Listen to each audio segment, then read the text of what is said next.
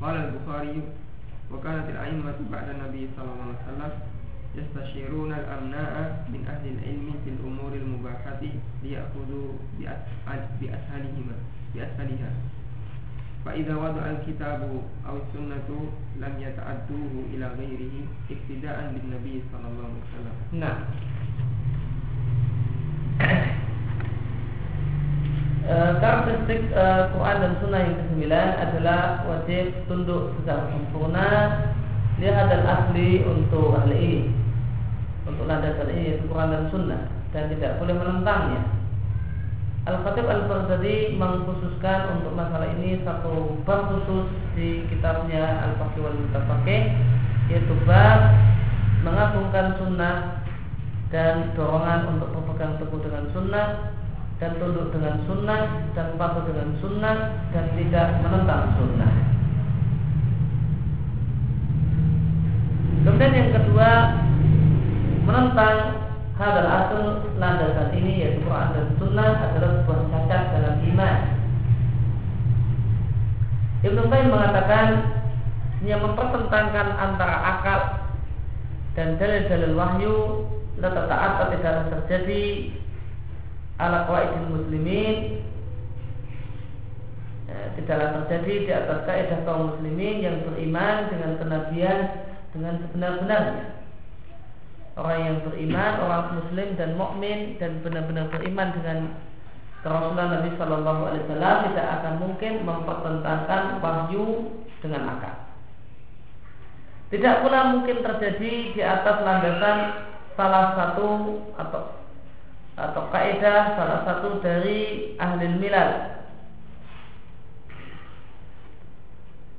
orang-orang yang beragama yang benar-benar yakin dengan hakikat kenabian. Walaupun hadil mu'aradah dan menentang ini perbuatan ini yaitu menentang Quran dan Sunnah menentang wahyu dengan dasar akal dengan dasar logika bukanlah termasuk bagian dari beriman dengan Nabi sedikit pun hal ini inna tata tata tata atta hadil mu'arada penentangan semacam ini hanya terjadi dari seorang yang mengakui kenabian namun dia beriman dengan dasar-dasar di atas kaidah-kaidahnya ahli filsafat. Maka Ibnu mengatakan bahwa sikap menentang Quran dan Sunnah menentang wahyu dengan akal itu lesat minal iman binubuwah fi ya, bukanlah termasuk bukanlah bagian dari beriman dengan Nabi sedikit pun.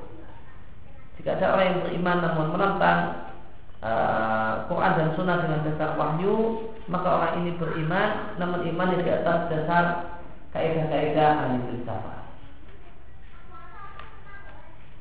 Kemudian berikutnya adalah kaidah ini atau landasan niat Quran dan Sunnah adalah bihi tafudul akan pecahlah, akan selesailah sengketa dengannya. Dan kepadanya lah dikembalikan berbagai perselisihan. Sebagaimana firman Allah Subhanahu wa taala, jika kalian berselisih fi tentang sesuatu, maka kembalikanlah kepada Allah dan Rasul. Syekh di sini nakirah diberi syarat yaitu in maka menunjukkan makna umum. Maka jika kalian berselisih tentang satu hal, baik perkara yang besar ataupun perkara yang sepele, yang remeh, berkaitan dengan masalah fikih ataupun berkaitan dengan masalah akidah, jika kalian berselisih dalam uh, satu uh, masalah-masalah tersebut, maka Allah perintahkan kembalikanlah kepada Allah dan kepada Rasul dengan bertanya kepada Rasul ketika Rasul masih hidup dan dengan wahyu ketika Rasul telah meninggal dunia.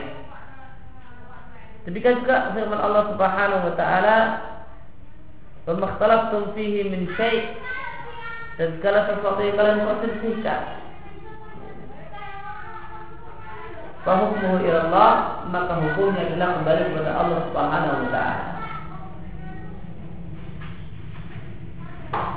Al-Imam Syafi'i mengatakan Dan siapa yang berselisih dan orang yang berselisih tersebut adalah orang-orang setelah Rasul setelah setelah wafatnya Rasulullah Sallallahu Alaihi Wasallam maka rudal amru ila qada'illah maka dalam perselisihan tersebut dikembalikan kepada keputusan Allah kepada Al-Quran.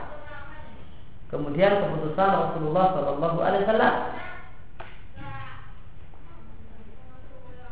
Jika tidak ada dalam perkara yang mereka perselisihkan satupun keputusan nafsan berupa keputusan tegas fihi dalam keputusan Allah dan Rasulnya tidak pula dalam salah satu dari keduanya maka selayaknya mereka mengembalikan permasalahan tersebut kepada kias yang kias pada salah satu dari keduanya dari Quran dan Sunnah. Maka kata Imam Syafi'i jika terjadi perselisihan maka tidaklah kita kembalikan kepada nas tegas dalam Quran dan Sunnah jika tidak kita jumpai nas tegas dalam Quran dan Sunnah, maka kita kembalikan kepada pihak manakah perkara yang paling mirip dengan keputusan uh, yang ada dalam Quran dan Sunnah. Jika kita jumpai dalam Sunnah atau kita jumpai dalam Al-Quran satu keputusan yang sama dengan permasalahan yang kita hadapi, maka itulah hukumnya.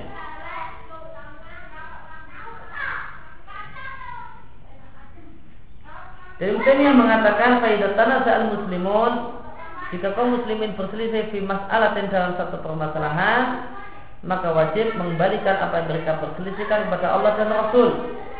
Fa'il lain maka mana saja di antara dua pendapat tersebut yang didukung oleh Quran dan Sunnah wajib ittifa'uhu maka wajib mengikutinya. Maka wajib mengikuti pendapat yang didukung oleh Quran dan Sunnah. Kemudian yang ke-12 karakteristik Quran dan Sunnah. Bahasanya landasan ini Quran, Quran dan Sunnah. Tamtanik maul istisara ya, tidaklah boleh uh, dan tidak uh, tidaklah boleh dan tidaklah perlu ada musyawarah ma'ahu bersama hukum Quran dan Sunnah. Jika sudah ada hukum Quran dan Sunnah khamar itu haram maka tidak perlu ada musyawarah tidak perlu orang bermusyawarah apakah hukum minum khamar itu haram atau tidak. Maka tidak ada musyawarah bersama hukum Quran dan Sunnah. Tidak ada diskusi tidak ada rembuk tidak ada uh, dialog. Ketika berbicara tentang hukum yang tidak ada keputusan tegasan dalam Quran dan Sunnah.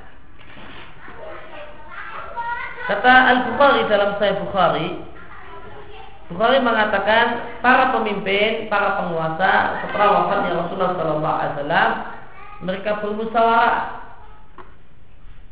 Siapakah ahli surah yang dianggap oleh para penguasa setelah wafatnya Rasulullah Wasallam al-amna min ahli ilmi. Mereka adalah orang yang amanah dan mereka adalah orang yang berilmu. Yang pertama adalah orang yang amanah, itu juga adalah orang yang berilmu orang yang berilmu bukan orang yang bodoh. Dan bukan orang yang berilmu yang khianat yang suka menyembunyikan yang seharusnya disampaikan. Namun mereka adalah orang yang amanah menyampaikan apa adanya. Kemudian dalam perkara apakah para penguasa bermusyawarah di masa silam? Fil umuril al-mubahah. Dalam perkara-perkara yang mubah ya, perkara-perkara yang hukumnya mubah. Bukan perkara-perkara yang sudah ada hukumnya sunnah atau wajib atau haram dalam Quran dan sunnah. Dia butuh bi apa tujuan musyawarah?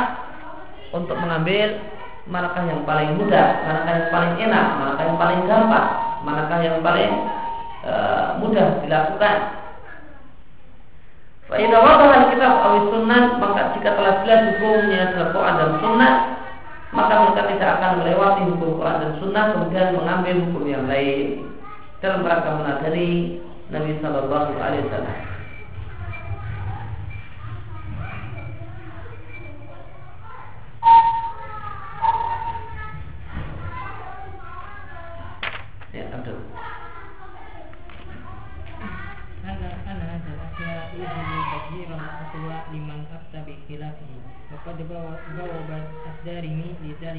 Sunanihi wa qala bab rajul yufti bi syai'in thumma yablughu an nabi sallallahu alaihi wasallam faraja ila qaulin nabi sallallahu alaihi wasallam. An hadal asla yujibu ruju'a anir ra'yi wa tarahahu idza kana Wa tarahu idza kana mukhalifan lahu وقد قصص الخطيب البغدادي لذلك بابا في كتاب الفقه أول متفقه فقال ذكر ما Zikru ma ruya. ذكر ذكر ما روي من وجوه الصحابة عن آرائهم التي رأوها إلى أحاديث النبي صلى الله عليه وسلم إذا سم سمعوه ووأوه Sami'uha. إذا سمعوها ووأوها عن هذا الأصل والإمام المقدم فهو الميزان لمعرفة صحيح الآراء من سقيمها قال الشافعي وأن يجعل وأن يجعل قول قول كل أحد وفعله أبدا تبعا لكتاب الله ثم سنة رسوله وقال ابن عبد البر واعلم يا أخي أن السنة والقرآن هما أصل أصل الرأي وال أصل الرأي والإيار عليه وليس الرأي بالإيار على السنة bali sunnatu iyadun alaihi Kala Ibnu Qayyim wa qad kana salafu yastadu alaihi mu'aradat mu'aradatan mu'aradatul nususi mu'aradatul nususi bi ara'ir rijali wala yukiruna ala dzalika. Nah. Kemudian yang ke-13 Bahasanya prinsip ini Quran dan Sunnah Yudhibu mengharuskan Untuk mengubah fatwa Bagi orang yang mengeluarkan fatwa Yang menyelisih hukum Quran dan Sunnah Ketika ada orang yang berfatwa Dan fatwanya menyelisih hukum tegas Dalam Quran dan Sunnah Maka setelah dia tahu hukum tegas dalam Quran dan Sunnah Maka wajib dia Maka wajib atas orang ini untuk mengubah fatwa Tolong tutup pintunya Ad-Darimi membuat bab berkaitan dengan hal ini dalam sunannya yaitu sunan Darimi.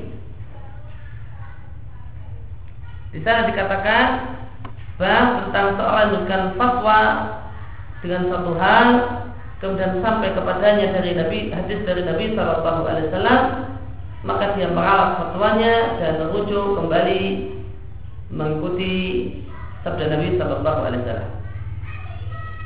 Siapa itu Ad-Darimi?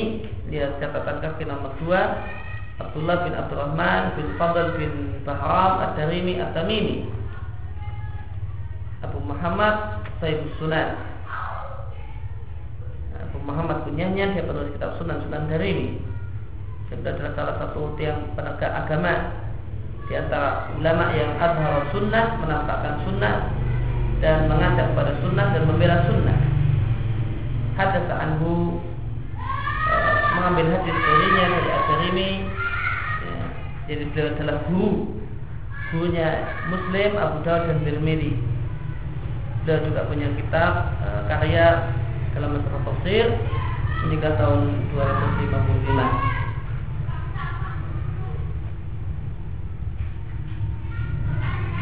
Dan yang ke-14 Anak hadal asla bahasanya prinsip ini Asalan dasar ini yaitu Quran dan Sunnah Yujibu mengharuskan Untuk arujuan ra'yi Untuk meralat satu pendapat Watorhamu Dan mewajibkan untuk membuang pendapat Jika pendapat tersebut Menyelisi Quran dan Sunnah. Maka jika ada satu pendapat Yang menyelisihi Quran dan Sunnah Maka Wajib membuangnya dan wajib untuk meralatnya meninggalkannya. Dan Al-Khatib Al-Baghdadi telah mengkhususkan untuk itu satu bab dalam kitabnya Al-Faqih wal Mutafaqih dan bab bab yang bahas tentang riwayat-riwayat yang diriwayatkan.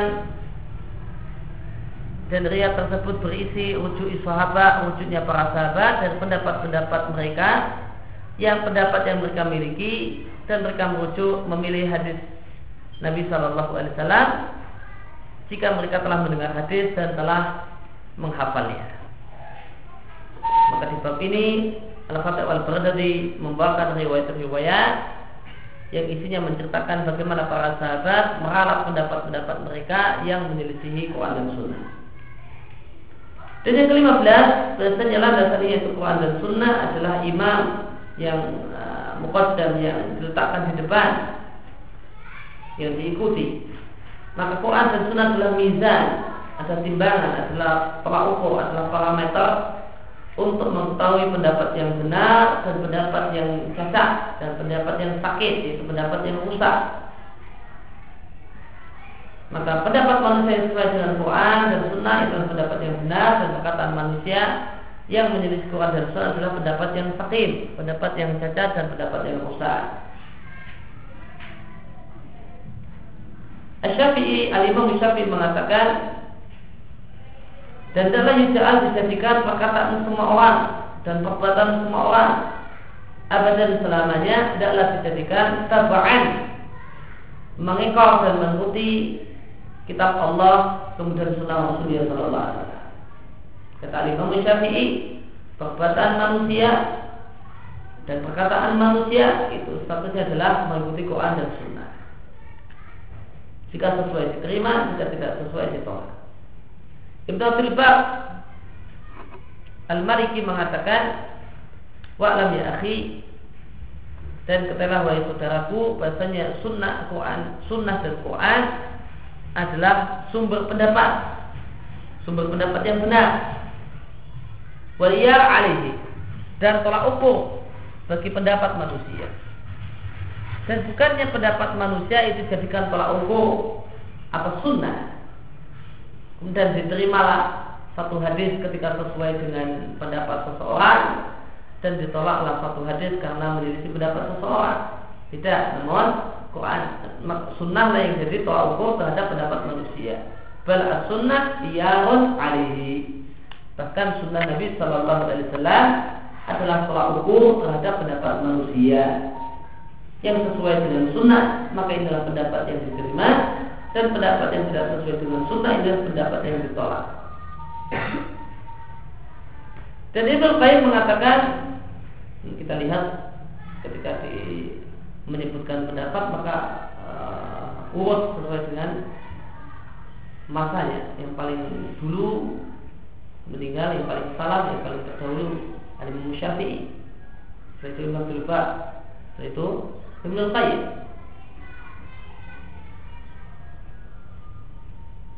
tidak acak asal-asalan namun ketika seorang itu mengutip pendapat beberapa ulama maka dalam memperhatikan urutan manakah yang paling e, terdahulu. Karena makin terdahulu itu makin ilmiah dan makin bagus. Maka itulah yang didahulukan. Ketika kita jumpai perkataan ulama itu makin terdahulu maka itu makin ilmiah dan makin bernilai. Maka itulah yang didahulukan dibandingkan ulama-ulama setelahnya Ibnu Qayyim mengatakan Waktu salaf dan para ulama salaf sakrat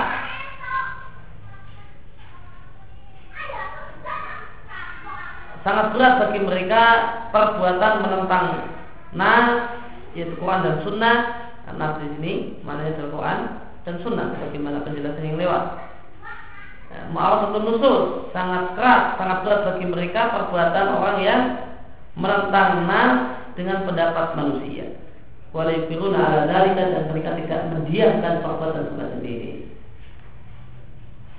Namun mereka mengingkarinya.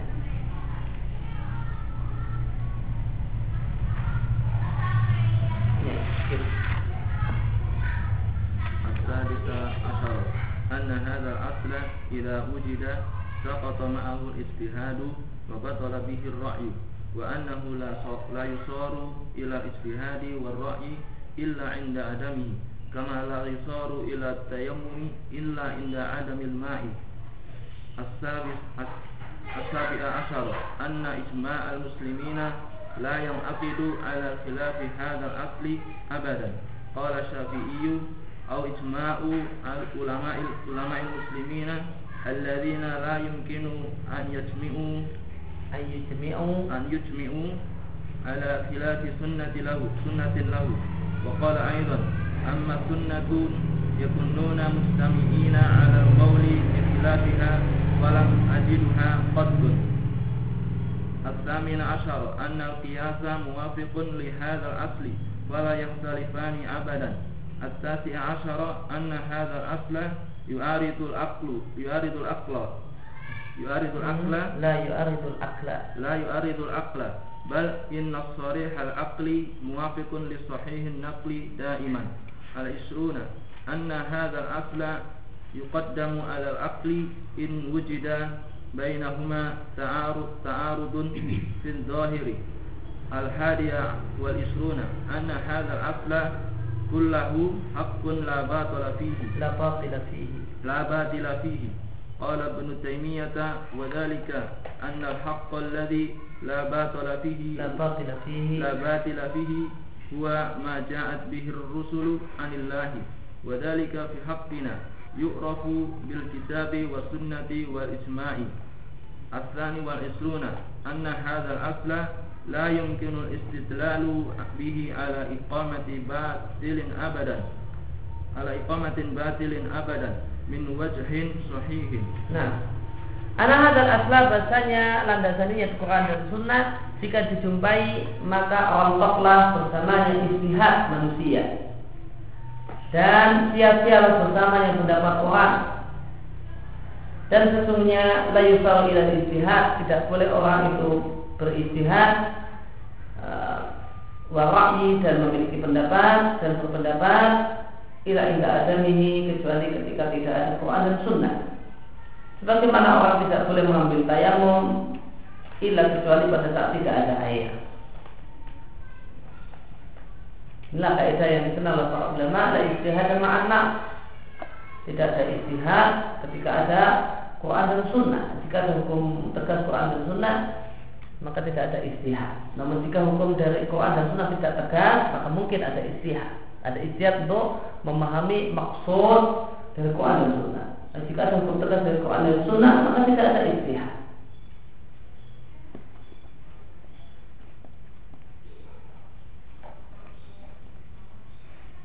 Jika jalan asar kapan kapan nazar. Jika sudah ada asar, jika sudah ada asar di Quran dan Sunnah kapan nazar, maka tidak ada pendapat. Perkataan ulama yang lain, tidak jalan nahrullahi, fatolan nahrul akli. Jika sudah terdapat aturan dari Allah Maka Batallah dan sia-sialah pendapat akal Maka istihad itu hanya ada ketika tidak ada dari tegas Quran dan Sunnah. Maka tidak ada istihad tentang wajibnya sholat. Itu hukum tegas dari Quran dan Sunnah. Tidak ada. Kenapa kamu tidak uh, tidak sholat? Susu istihad. Nah, saya beristihad dan hasil istihad saya tidak perlu sholat sementara ini. Nah, tidak tidak ada istihad, tidak ada tegas Quran dan Sunnah.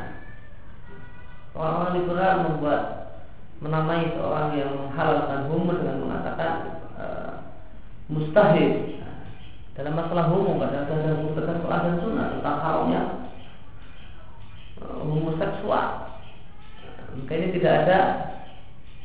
istihad penempatan istilah istihad tidak ada tempatnya. Karena tidak ada istihad tidak dalam masalah yang bisa tegas hukum Quran dan Sunnah dan tidak ada istihad dalam perkara yang ada ijma di dalamnya. Kemudian yang uh, berikutnya yang ke-17 ya ijma kaum muslimin layan akhir tidak mungkin ada ala khilaf hadal asli tidaklah mungkin ada dalam dalam bentuk menyelisihi landasan ini abadan sama sekali. Tidak mungkin ada ijma, tidak mungkin kaum muslimin bersepakat dalam satu masalah dan kesepakatan tersebut menyelisih hukum Quran atau menyelisih hukum sunnah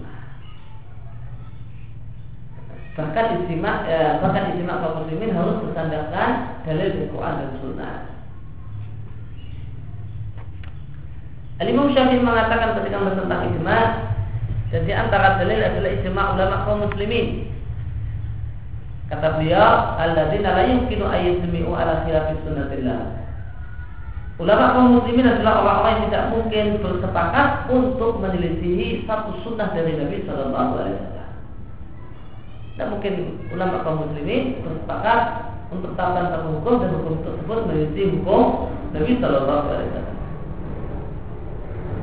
Al-Imam Syafi'i juga mengatakan Amat sunnah ada pun sunnah Yakunu maka mereka para ulama bersepakat uh, Ala qaul bi Bersepakat untuk memiliki satu pendapat yang menyelisih sunnah maka ini adalah satu hal yang tidak pernah aku jumpai sama sekali. Kata Imam Syafi'i tidak pernah aku jumpai ada kesepakatan kaum muslimin dan kesepakatan kaum muslimin tersebut menjadi sunnah.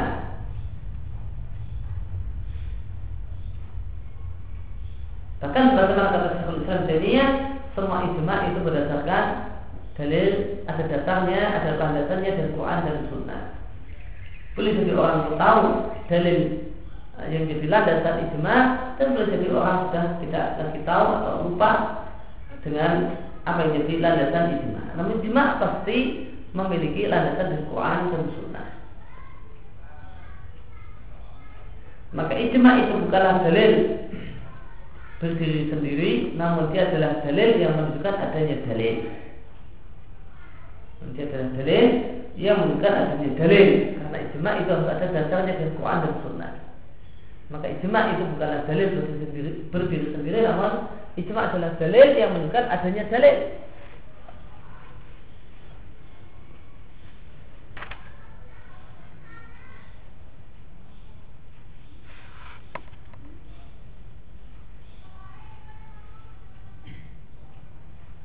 Jika demikian apa fungsi ijma? Salah satu fungsi ijma kita sebutkan ini adalah ijma. Salah satu fungsinya adalah untuk menghentikan khilaf. Ini ijma. Kalau dikatakan ulama ijma maknanya sudah demikian, kualitas sudah ijma mak maksudnya demikian, maka sudah tidak ada lagi kesempatan untuk mengatakan oh mungkin demikian dan mungkin seperti ini atau seperti itu. Kemudian berikutnya punya kias itu mencocoki lihat asli, mencocok Quran dan Sunnah. Maka kias dengan wahyu Quran dan Sunnah tidaklah mungkin berselisih ada dan sekali. Tidak pendapat yang benar Bagaimana uh, yang ditetapkan oleh Ibnu Qayyim dengan beliau katakan banyak dalil dalam kitabnya Ilmu Muwaqqi'in. Karena sebagian ahli fikih berpendapat bahwasanya ada kias yang menyelisihi uh, kias yang menyelisihi Quran. Dan disebutkan beberapa contoh ada uh, ada ijarah, ada uh, baik salam dan yang lainnya maka dibantah oleh Ibnu Qayyim di Ilmu Muwaqi'in dan beliau bahas satu persatu contoh-contoh yang dibawakan oleh ulama yang mengatakan adanya kias yang adanya sunnah yang menjadi kias dan beliau dudukkan bahasanya semuanya adalah sejalan dengan kias.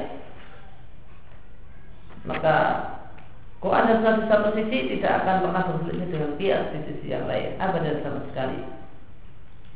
Kemudian in anna hadzal asla bahasanya landasan ini yaitu Quran dan Sunnah tidak mungkin bertentangan dengan akal sehat.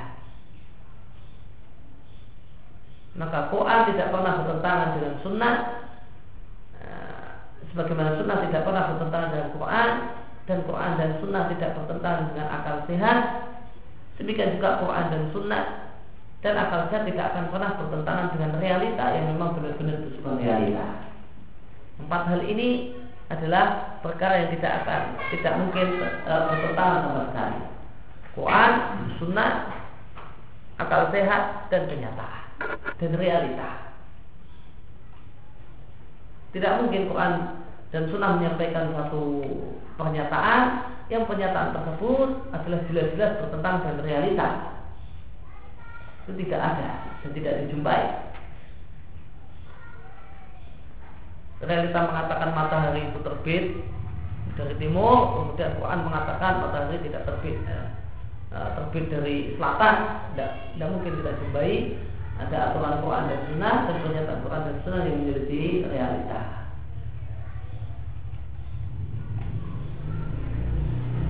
Berinasorial akli bahkan akal yang tegas akan mencocoki sahih nakli akan menyelisihi uh, atau mencocoki akal sehat uh, nukilan yang sahih iman selalu. Maka jika nampak dijumpai kesimpulan akal uh, kesimpulan akal itu bertentangan dengan Quran dan Sunnah maka ada beberapa kemungkinan boleh jadi uh, uh, dalil wahyu tersebut saja dalilnya tidak sahih hadis sahih atau bahkan hadis palsu. Atau ya, akalnya yang bukan akal sehat. Cara berpikirnya yang keliru. Ada jika akalnya adalah akal yang sari yang tegak yang akal yang berpikir dengan baik dengan benar dan dalil wahyunya adalah sahih maka tidak akan terjadi pertentangan di antara keduanya sama sekali.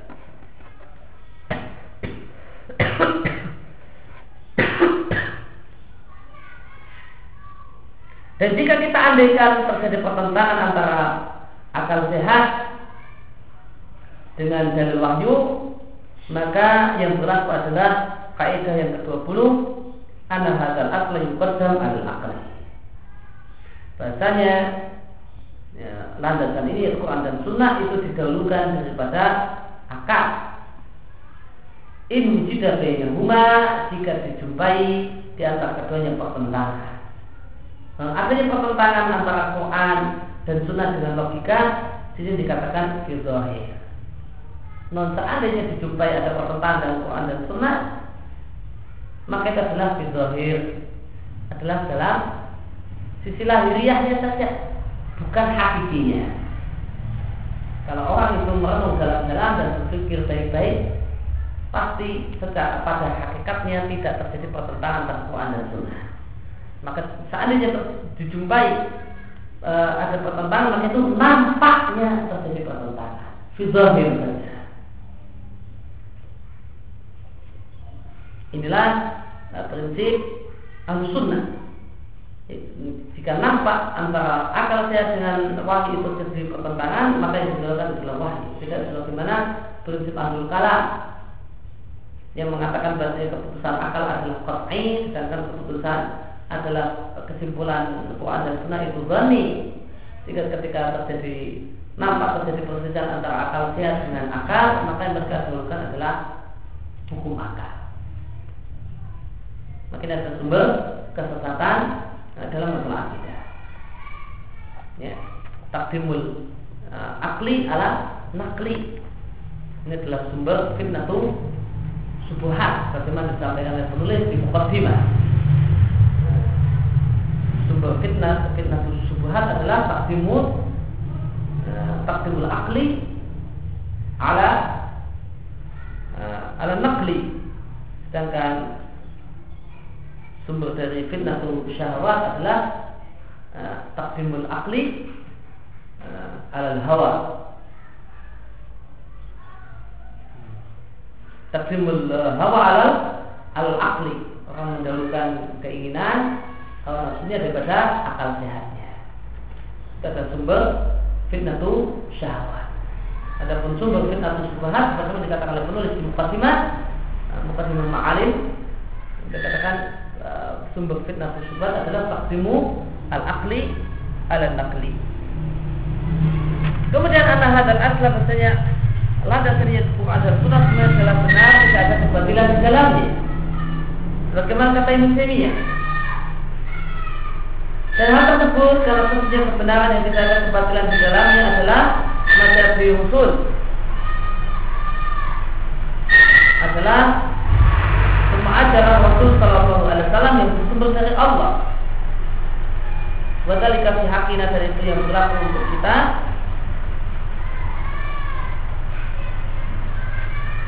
Dan dari mana kita tahu macam Abi Rasul Anillah? Ya Rasul kita Rasul wal Ijma kita ketahui dengan Quran, Sunnah dan Ijma.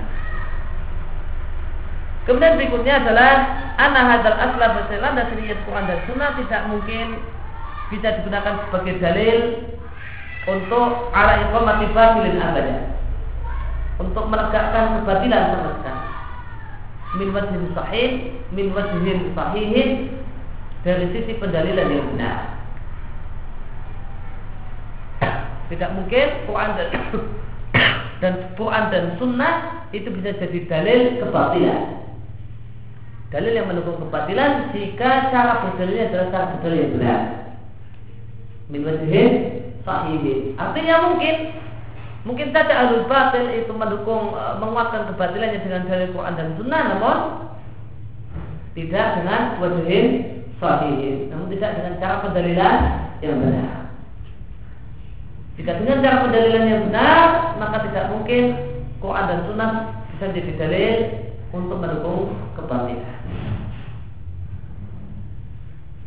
Bahkan Syekhul Islam Taimiyah mengatakan semua dalil Quran dan Sunnah yang digunakan oleh ahli batil untuk mendukung kebatilannya di dalamnya terdapat dalil yang menunjukkan kebatilan dari uh, batilnya pendapat yang batil tersebut. Jika ahli bid'ah itu mengambil dalil Quran sebagai dalil untuk mendukung kebid'ahannya, maka dalam dalil yang dia pakai itu terdapat dalil bahasanya itu adalah satu hal yang bid'ah dan besar. Ya, turunan.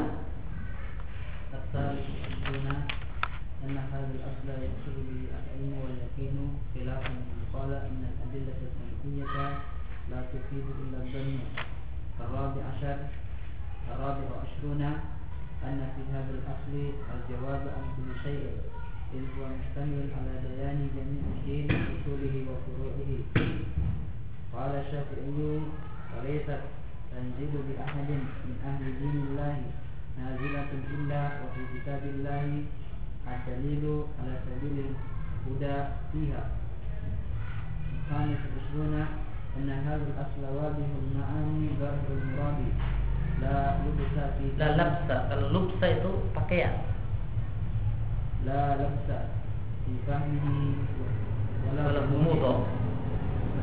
Qala Mubayyid Kadalika al-Qur'an al-Qur'an Allah wa minha Kama na'lam muqat'an Anna Rasulah ballaghaha amillah Wa ghalib ma'ani Al-Qur'an Ma'lumun annaha muradullah Khabaran Kanat talaban بل العلم بمراد الله من كلامه أوضح وأظهر من العلم بمراد كل متكلم من كلامه بكمال علم المتكلم وكمال, بيانه وكمال هداه وإرشاده وكمال تيسيره للقرآن حفظا وفهما عملا وتلاوة فكما بلغ الرسول ألفاظ القرآن للأمة بلغهم معانيه بل كانت عنايته بتبليغ معانيه أعظم من مجرد تبليغ بتبليغ تبليغ ألفاظه.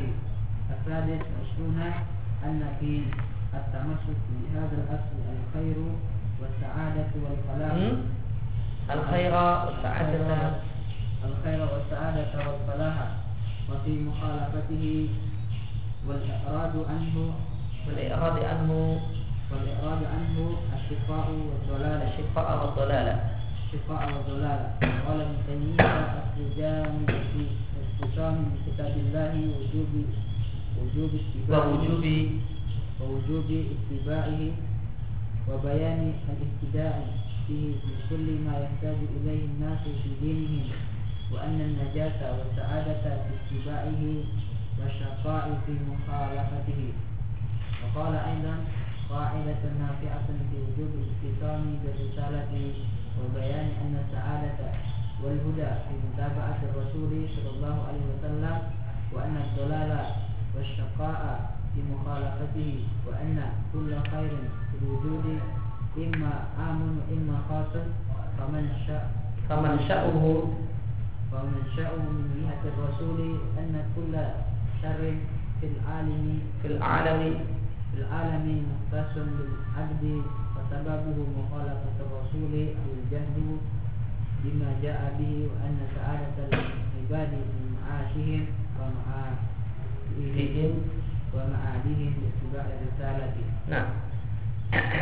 Kemudian berikutnya adalah anal hasil asla bahasanya landasan ayat Quran dan Sunnah akan terwujud dengannya ilmu dan yakin. Maka isi Quran dan Sunnah itu menghasilkan keterangan yang bersifat yakin, benarnya. Berbeda dengan orang yang mengatakan itu ahlul kalam. Dia mengatakan bahasanya adilah sam'iyah, dalil-dalil sam'iyah itu Quran dan Sunnah tidaklah memberikan faedah kecuali praduga. Tadi telah kita singgung. Lalu kalam mengatakan bahasanya dalil Quran dan Sunnah menghasilkan uh, praduga, sedangkan uh, logika itu menghasilkan yakin, yakin benarnya. Adapun kesimpulan dari Quran dan Sunnah itu cuma kemungkinan kuat benarnya. Kemungkinan kuat maknanya dan sebenarnya adalah demikian. Ini kaidahnya alul kalam karena mereka mendulukan akal daripada wahyu. Yang benar bagaimana akidah sunnah? Bahasanya Quran dan Sunnah menghasilkan ilmu? Sedangkan apa yang dihasilkan oleh akal itu adalah praduga mungkin benar mungkin salah. Adapun isikan Quran dan Sunnah maka ilmu dan yakin itu benar kemudian dalam dalam landasan yaitu Quran dan Sunnah terdapat jawaban untuk segala sesuatu karena Quran dan Sunnah itu mustamil mencakup bayan jami'idin penjelasan tentang semua perkara agama baik masalah akidah ataupun masalah fikih. Sebagaimana kata Imam Syafi'i, Imam Syafi'i mengatakan tidaklah tanzil terjadi pada seseorang min ahli dinillah dari kaum muslimin nazilah satu peristiwa satu masalah kecuali dalam Quran terdapat dalil ya, ala sabil huda fiha bagaimanakah petunjuk bagaimanakah yang benar dalam masalah tersebut. Kata Imam Syafi'i, jika ada masalah, jika, jika, jika terjadi masalah, maka jawabannya bisa kita jumpai dalam Quran dan Sunnah. Tidak ada satupun masalah yang terjadi kecuali ada jawabannya dalam Quran dan Sunnah. Kemudian bahasanya landasan ayat Quran dan Sunnah itu maknanya jelas, maksudnya pun gamblang, lalapsa difahami, tidak ada kerancuan dalam memahaminya dan tidak ada kesamaran dalam memahaminya. Kalau lupsa itu memakai pakaian. Kalau lapsa artinya iltibat. Artinya rancu. Kalau lupsa artinya memakai pakaian. Tulisannya sama.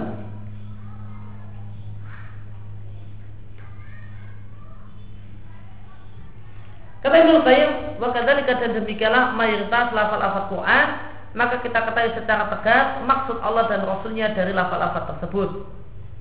Sebagaimana kita tahu Quran secara yakin, bahasanya Rasul Sallallahu Alaihi Wasallam menyampaikan lafal-lafal tersebut dari Allah. Faghalibu ma'anil Quran maka mayoritas makna-makna Al-Quran maklumun diketahui. Annaha muradullah bahasanya itulah maksud Allah. Baik berupa berita ataupun berupa tolaban, berupa tuntutan. Yang dimaksud tolak adalah perintah dan larangan. Yang dimaksud tolak adalah perintah dan larangan. Bahkan pengetahuan tentang maksud Allah min kalami dalam firman Allah itu lebih jelas dan lebih jelas dibandingkan pengetahuan tentang maksud kuli mutakalim min kalamihi tentang maksud setiap pembicara dari dari perkataannya. Kenapa? Kata Ibnu Qayyim memahami maksud Allah dalam Quran dan Sunnah itu lebih gampang daripada memahami omongan manusia. Orang yang mengerti bahasa Arab maka memahami maksud Allah dalam Quran dan Sunnah itu lebih gampang daripada memahami omongan orang.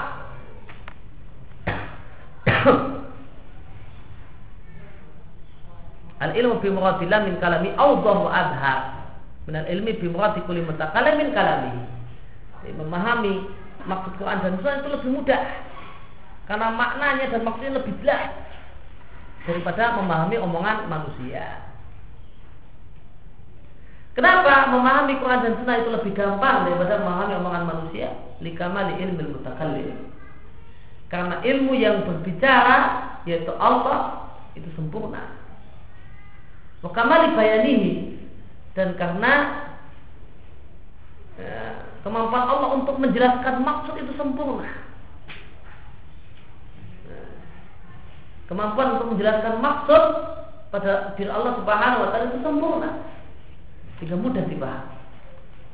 Wa kamali hudah wa yashadi dan karena sempurnanya petunjuk Allah dan bimbingan Allah Subhanahu wa taala. Allah ingin agar orang yang diajak bicara itu tahu. Maka Allah bisa uh, menyampaikannya dan bagaimana membuat orang yang diajak bicara ini tahu apa yang Allah maksudkan. Uh, irsyad Allah Subhanahu wa taala sempurna. Wa kamali taysirihi lil Quran dan karena Allah Subhanahu wa taala telah mempermudahkan Al-Qur'an secara sempurna. Jika Quran itu mudah dihafal, dipahami, diamalkan dan dibaca. Maka sebagaimana Rasul Shallallahu Alaihi Wasallam menyampaikan lafal-lafal Al-Quran kepada umat, Rasul Shallallahu Alaihi Wasallam juga menyampaikan kepada mereka makna-makna Quran. Ini bagaimana pernah kita singgung. Biasanya Rasul Shallallahu Alaihi Wasallam itu menjelaskan Al-Quran, lafadznya dan maknanya. Bahkan kata Ibnu Qayyim, perhatian Nabi Shallallahu Alaihi Wasallam kita beli makna dalam masalah mentablikkan, dalam masalah menjelaskan makna Al-Quran itu perhatian yang lebih besar daripada semata-mata tablik dan menjelaskan lafaz Al-Quran. Perkara Ibnu ini adalah bantahan terhadap uh, al-taklid uh, orang yang orang yang taatuf dalam taklid di mana orang yang terkena penyakit uh, taklid dan uh, taklid buta mereka punya perkataan.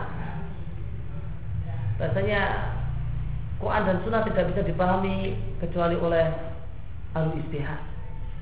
Uh, kita harus ahli istihad. Hanya hanya alim saja ulama saja ulama besar saja yang bisa paham maksud Quran dan Sunnah. Kita nggak bisa. Maka kita harus taklid maka kita taklid dengan ulama. Kenapa? Hanya ulama saja yang paham makna Quran dan Sunnah.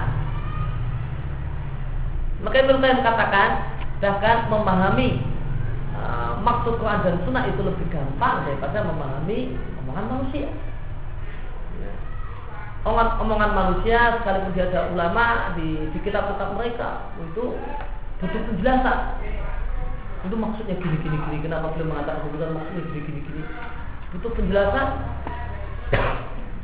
Bahkan kebanyakan buku-buku fikih nah, terutama buku-buku fikih mazhab itu bahasanya sangat ringkas sehingga sangat ruwet. Nah, bahasanya sangat ringkas dan karena terlalu ringkasnya jadi ruwet. Sulit dipahami kecuali orang yang memang menggelutinya makanya adalah bukti bahasanya uh, memahami uh, maksud Allah dalam Quran dan Sunnah lebih gampang daripada memahami omongan manusia.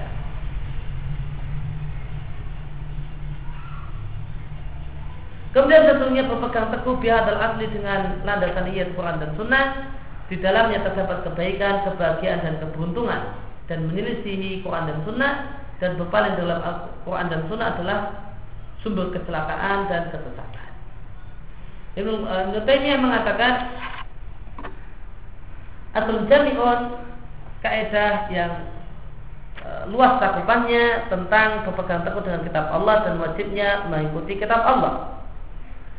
Wabayan dan penjelasan tentang al-ijtida bihi mengamalkan kitab Allah mengambil petunjuk itu sama dengan mengamalkan al-ijtida mengambil petunjuk menerapkan petunjuk sama dengan mengamalkan wabayan al-ijtida bihi dan penjelasan bahasanya mengamalkan Quran eh, mengamalkan Quran dan Sunnah fikuli fikuli ma yahtaju dalam semua perkara yang dibutuhkan oleh manusia dalam perkara agama mereka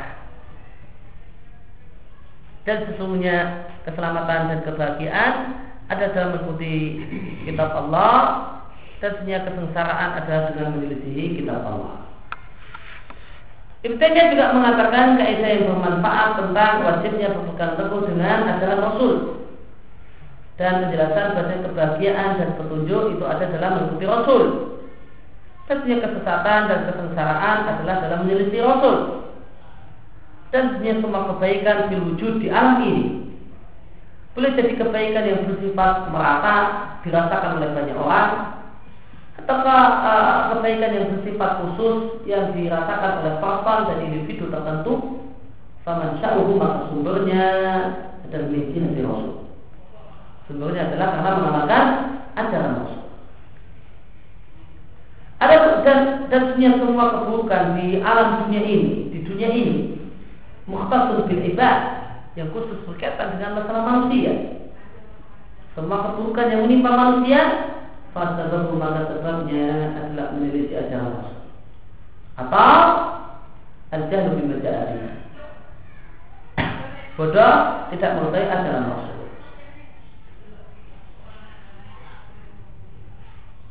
Maka sumber keburukan kata beliau adalah dua sumber keburukan di dunia ini kata beliau ada dua. Pertama adalah tidak mengetahui ajaran Rasul sehingga tidak beramal sebagaimana apa yang diajarkan oleh Rasul karena tidak tahu ajaran Rasul. Yang kedua, tahu ajaran Rasul namun dia tinggalkan ajaran Rasul.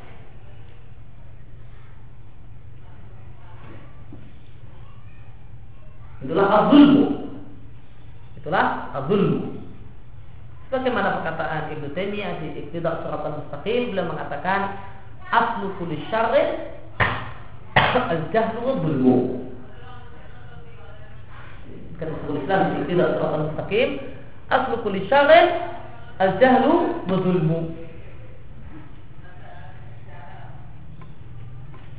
Bahkan sumber segala keburukan di dunia ini cuma dua. Kalau dia al-jahlu tidak kebodohan maka abulmu atau sikap kezaliman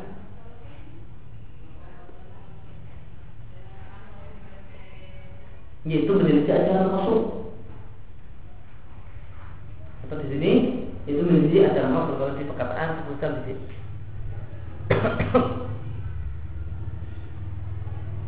maka menjadi keributan terjadi uh, percekcokan terjadi perpecahan maka boleh jadi sebabnya adalah al-jahal.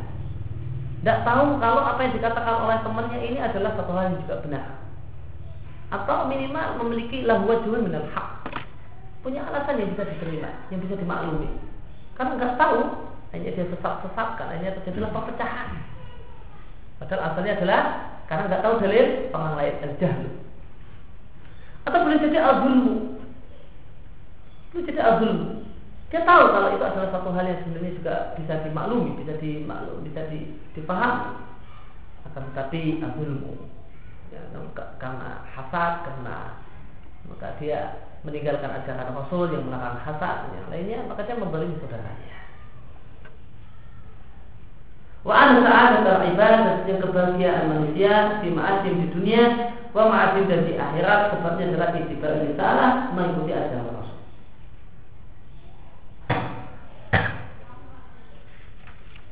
Ya, Rizky. Tapi wasyrun anna hadzal asla daruriyun fi ibadi fi dunya wal akhirati. Qala Ibnu Taimiyah wa risalatu daruriyatun fi islahil abdi fil ma'asihi wa ma'adihi. Fakama anahu la salaha lahu fi akhiratihi illa bitiba'i risalati wa kadzalika la salaha lahu fi ma'asihi wa dunyahu illa bitiba'i risalati. Fa insana muttarun ila syar'i. Wa qala aidan wa risalatu daruriyatun lil ibadi la budda lahum minha wa hajatuhum ilaiha fawqa hajatihim ila kulli syai'in wa risalatu ruhul alami wa nuruhu wa hayatuhu. Fa ayyu salahin lil alami ida ada ida adamu Ida adima ruhu wal hayatu. Ida adama ar-ruhu wal hayatu wa nuru. Wa dunya mudallimatun Madlamatun. madlamatun mal'unatun illa ma tola'at alaihi samsur risalati wa kadzalika al-abdu malam Tusyrik. Tusriku fi qalbihi Tusyrik. Fi qalbihi samsur risalati wa yanaluhu min hayatiha wa ruh- wa ruhiha fa huwa fi zulmati wa huwa min al amwati qala ta'ala awaman kana maitan fa ahyaynahu wa ja'alna lahu nuran yamshi bihi sinnati kaman kaman masalu fi dhulumati laisa bi kharijin minha. Asamin wa isrun. Anna hadal asla labudda lahu min ta'dimin wa tawkirin wa ijlalin. Waqad bawwaba ad-darimiyu fi sunanihi lidhalika biqaulihi babun ta'jilu uqubatin man uqubati man balaghahu an nabi sallallahu alaihi wasallam Hadisun. Hadisun falam ya Falam ya'zimhu walam yukirhu. Wa kadzalika sana'a al-khatibu al-baghdadi fi kitabihi al-faqih wal mutafaqih faqala babun ta'dimus sunani. Wa bawwaba ibnu abil barri fi jami'ihi qailan babun dzikru ba'di man kana la yuhaddits la yuhadditsu an rasulillahi illa wa huwa ala wudu'in Atasi wa isrun anna hadzal asla tarji'u ila jami'il adillati al mutafaqu 'alaiha wal mukhtalafu fiha kadzalika. Nah Kemudian yang berikutnya anak hadal asla bahasa yang dasar Quran dan Sunnah adalah bahwa kebutuhan vital di selalu ibad untuk baiknya manusia di dunia dan di akhirat. Kata Ibnu Taimiyah adalah Rasul adalah daruriyah, adalah kebutuhan vital untuk memperbaiki manusia fi ma'asi dalam dunianya dan dalam akhiratnya.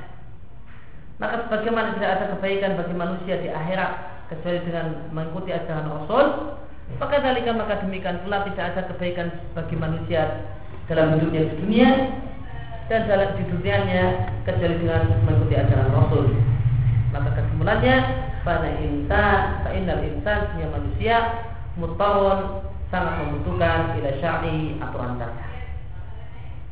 Demikian juga Ibnu Taimiyah mengatakan bahwa ajaran Rasul adalah daruriyat, daruriyatun kebutuhan vital untuk manusia. Lalu dalam minha manusia harus ya, lalu dalam minha harus uh, mendapatkan ajaran Rasul dan kebutuhan manusia terhadap ajaran Rasul melebihi kebutuhan manusia ila terhadap segala sesuatu. Maka ajaran Rasul adalah roh untuk dunia ini dan cahaya dunia dan faktor hidupnya dunia. Maka adakah kebaikan bagi dunia ini jika tidak ada roh, tidak ada kehidupan dan tidak ada cahaya? Tentu jawabannya adalah tidak. Maka kata Syekhul Islam maka dunia ini adalah gelap dan dunia ini adalah terlaknat. Kecuali bagian dunia yang diterangi oleh Samsurita, matahari kerasulan. Maka demikian pula seorang hamba jika tidak bersinar di dalam hatinya matahari kerasulan, matahari ajaran berupa ajaran Rasul, wa yanaluhu min hayatiha wa ruhiha dan e, dan hati tersebut tidak mendapatkan kehidupan dan roh dari ajaran Rasul, maka hati tersebut dalam kegelapan dan orang yang memiliki hati tersebut dalam amwal adalah orang-orang yang mati. Maka orang yang tidak mendapatkan ajaran Rasul Allah sebut mayit. Aw mangkana maita. Apakah orang yang dulunya mati itu tidak mendapatkan hidayah, tidak mendapatkan ajaran Rasul, lalu kami hidupkan dengan dia menerima ajaran Rasul, dan kami buatkan kami jadikan untuknya cahaya yang dia bisa berjalan dengan menggunakan cahaya tersebut di tengah-tengah manusia sebagaimana orang yang permisalannya ada sebagaimana orang yang berada dalam tumpukan kegelapan yang tidak bisa keluar darinya. Maka orang yang tidak mendapatkan ajaran Rasul Allah sebut mayit dan orang yang mendapatkan ajaran Rasul Allah sebut dengan kami hidupkan. Dan orang yang Allah beri cahaya. Demikian kata Syekhul Islam di Majmu' Fatah Kemudian anak hadal asla bahasanya landasan ini yaitu Quran dan Sunnah la dalam minta ta'zim harus dimuliakan wa dan dihormati uh, dan dimuliakan. Intinya sama, dimuliakan, dimuliakan dan dimuliakan. Ada yang membuat bab dalam Sunan ini judul babnya adalah bab takjil ukubah disegar, disegerakannya hukuman bagi orang yang pernah sampai kepadanya hadis dari Nabi Shallallahu Alaihi Wasallam lalu dia tidak mau mengagungkan hadis Nabi dan tidak mau menghormati hadis Nabi. Itu yang dicontohkan oleh uh, ini riwayat-riwayat ada seorang yang tangannya masuk sampai uh, ke dalam perut sampai sikunya. Karena dia tidak melecehkan hadis Nabi tentang masalah Fa'inahu la tadri aina batat karena dia tidak tahu di manakah Eh, tangannya bermalam oleh karena itu Nabi perintahkan setelah bangun tidur untuk cuci tangan dan beberapa riwayat yang lain. Demikian juga yang dilakukan oleh Al-Khatib Al-Baghdadi dalam kitabnya Al-Faqih wal Mutafaqih. Dalam majidul bab, bab ta'zim sunan, wajibnya memuliakan sunnah. Demikian juga Ibn Abdul Bar dalam kitabnya Jami membuat bab. Dia mengatakan membuat judul bab, bab dikubah di mengkana menceritakan tentang sebagian orang yang tidak mau menyampaikan membacakan hadis dari Rasulullah Sallallahu Alaihi Wasallam ila bahwa ala wudu kecuali dalam kondisi berwudu. Sebagian ulama ya, tidak mau uh, membacakan hadis kita dalam kondisi berwudu dalam rangka untuk memuliakan hadis Nabi Sallallahu Alaihi Wasallam. Semacam Imam Malik dan landasan Imam Malik dalam hal ini adalah asal yang beliau jumpai dari sebagian sahabat yang tidak mau membacakan hadis kecuali dalam kondisi berwudu.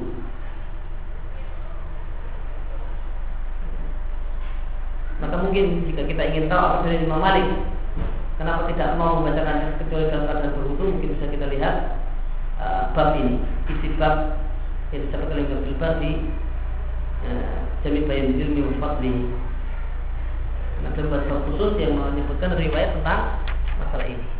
Ini bukan mencontoh ta'zimus salaf bagaimana ulama salaf melakukan e, hadis. Sampai-sampai sebagian dari mereka tidak mau berwudu, eh, tidak mau membacakan hadis kecuali dalam keadaan berwudu.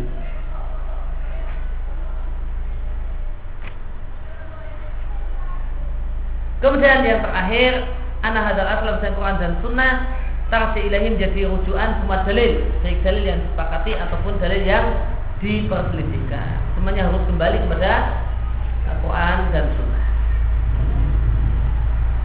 Demikian kita baca kesempatan bagi hari ini. Sallallahu ala Nabi Muhammad wa ala alihi wa sallam. Wa rabbil alamin. Wa